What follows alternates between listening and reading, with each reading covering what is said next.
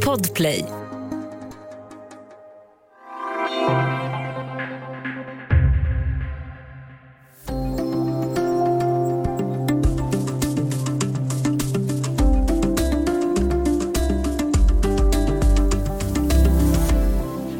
Glaciärras i norra Indien häromdagen drog med sig is och lera och skapade en enorm flodvåg som slog sönder både ett mindre och större kraftverksbygge.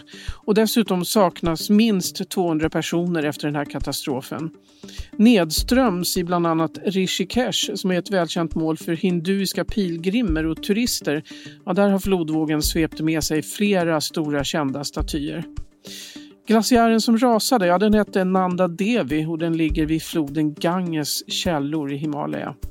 Hur kunde det här hända och kommer vi att få se fler liknande händelser i framtiden? Det ska vi prata om i Studio DN idag. Jag heter Aminata Grutt.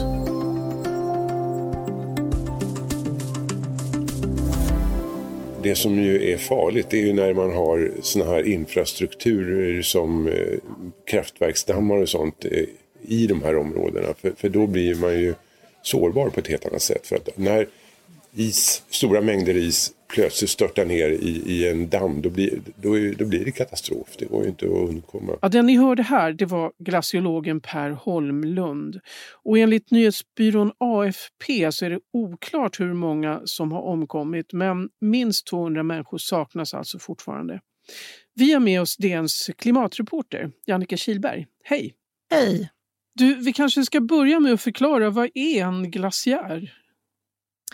Ja, en glaciär, alltså definitionen på en glaciär är ju att det är en massa av snö och is som är i rörelse. Och Det är lite en sån nyckelpunkt, just att den faktiskt är hela tiden i rörelse. Det är inte bara en isfläck. Liksom. Så den här växer ju till när det är kallt och det snöar och den smälter ner när det är varmt. Så det är en slags levande materia kan vi säga.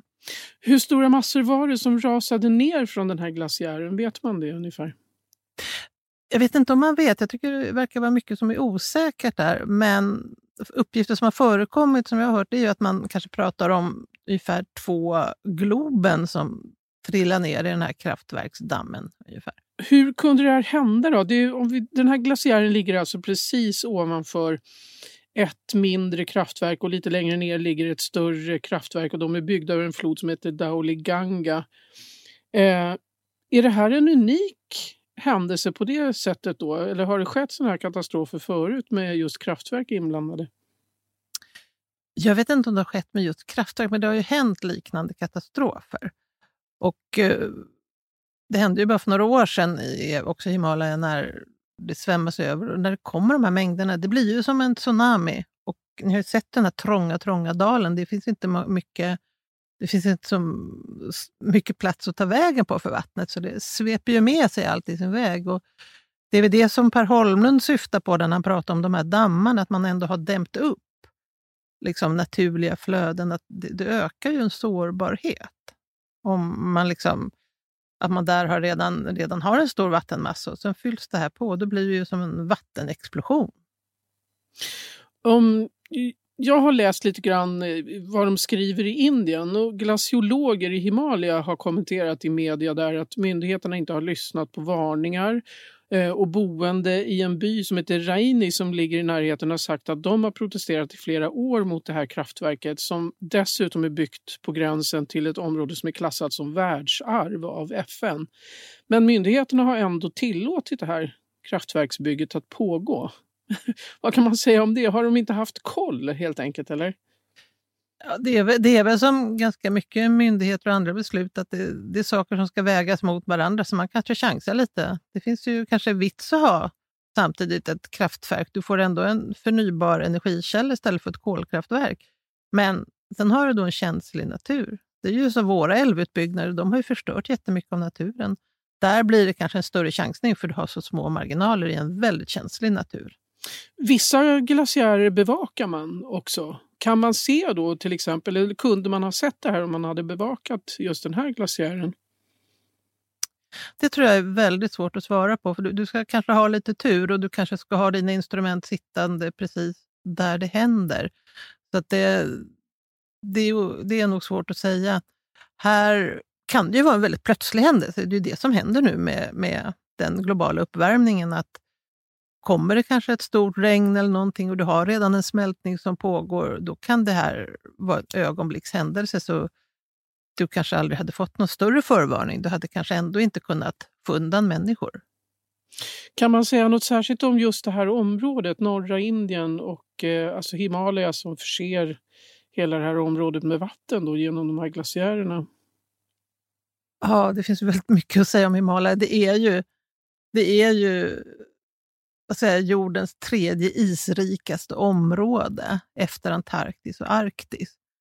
Och du har ju närmare ett par miljarder människor som på ett eller annat sätt är beroende av de här glaciärerna. De får sitt färskvatten härifrån.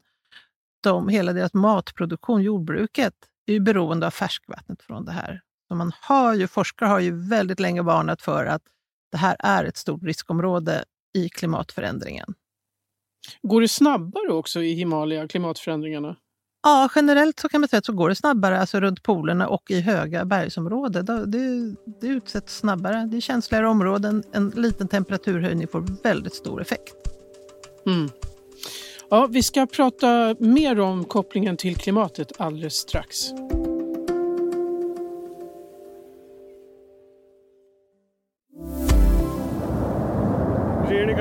का Ja, det ni hör här det är en inspelning som har gjorts av ögonvittnen till när den här glaciären började rasa ner i dalgången. Man hör också hur de ropar och försöker varna folk som är längre ner. Vi pratar klimat och glaciärer med DNs klimatreporter Jannike Kilberg. Eh, har det blivit vanligare med glaciärer som smälter? Alltså det har definitivt blivit vanligare med glaciärer som smälter. Alltså de, det ökar ju hela tiden. De senaste hundra åren har glaciärerna minskat och takten ökar. Alltså bara nu under 2000-talet så har den ökat väldigt mycket. Och just Himalaya här, där, där vi, den här indiska glaciären befinner sig, där har man alltså på 40 år förlorat en fjärdedel av glaciärerna. Det är ju enorma siffror. Och man räknar ju också med att även om vi håller det 1,5 graders målet i Parisavtalet så kommer ytterligare 30 procent bara försvinna av glaciärerna. Mm. Finns det fler områden på jorden förutom då Himalaya och Arktis som är värst utsatta som man kan nämna i det här sammanhanget? Ja, Antarktis förstås. Då. Men annars har du ju, du har ju liknande situationer i Anderna. Där har man ju också stora städer som är beroende av glaciärer för, sitt, för sitt färskvatten. Där pågår det lite sidospår, men det är ju en peruansk bonde eller bergsguide som faktiskt har stämt en, en tysk el, elbolag för att de har orsakat så stora utsläpp av växthusgaser så att de påverkar glaciärerna, hans hemby, som smälter så mycket så de har varit tvungna att bygga skyddsanordningar. Så det är högst aktuellt och vi kommer bara se mer och mer av det här. Finns det någonting man kan göra det enda man egentligen kan göra det är ju faktiskt att eh, eh, få ner utsläppen kraftigt så fort som möjligt. Och då ska det gå fort och kraftigt. Men som jag sa, det, det är ju så att vi redan har intecknat en uppvärmning i och med de utsläpp som redan är gjorda. Så även om vi slutar nu, då kanske uppvärmningen stannar på 1,5 grader, men issmältningen fortsätter. Det här är en permanent förändring faktiskt. Mm. Det finns eh, lokala klimatrörelser, alltså vi hörde nu om, om Peru då, som du berättade om. Eh, och Himalaya finns också en lokal klimatrörelse. De håller på att bygga små konstruktioner, eller stora konstruktioner, som samlar upp is på vintern som de kan använda under sommaren. Men det här är ju så små åtgärder. Ja, man kan ju kanske rädda små lokala delar och sådär, men annars måste man nog allmänt börja se över hur man tar vara på det vatten som finns och allt sånt.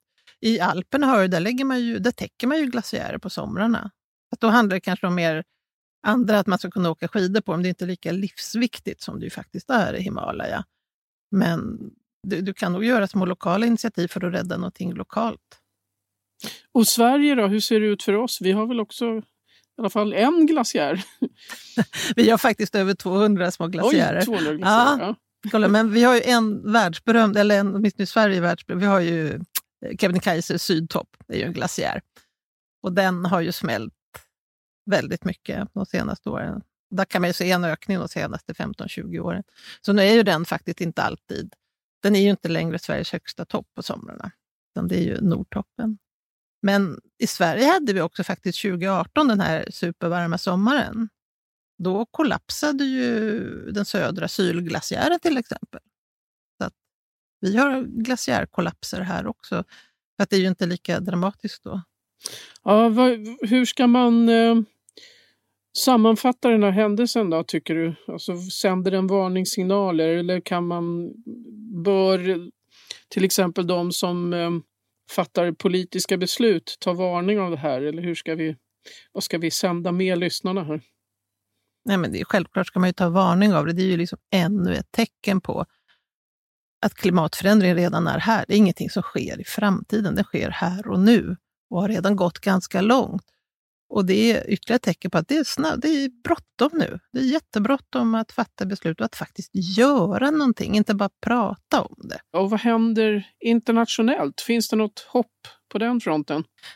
Ja, men jag tycker faktiskt att det ser mer hoppfullt ut än vad det har gjort på länge. Det är att, att Biden har vunnit presidentvalet i USA och nu tillträtt som president med en enormt ambitiös klimatplan och han har ju redan vidtagit massa åtgärder.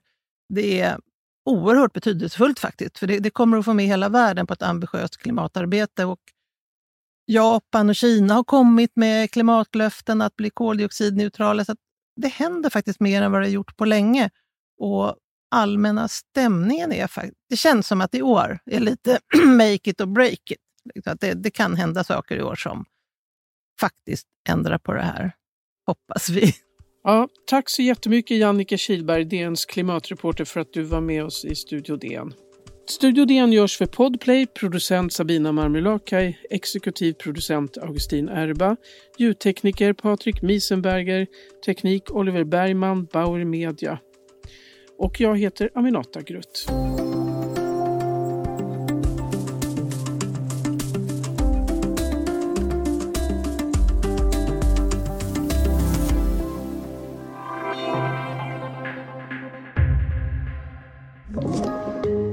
Podplay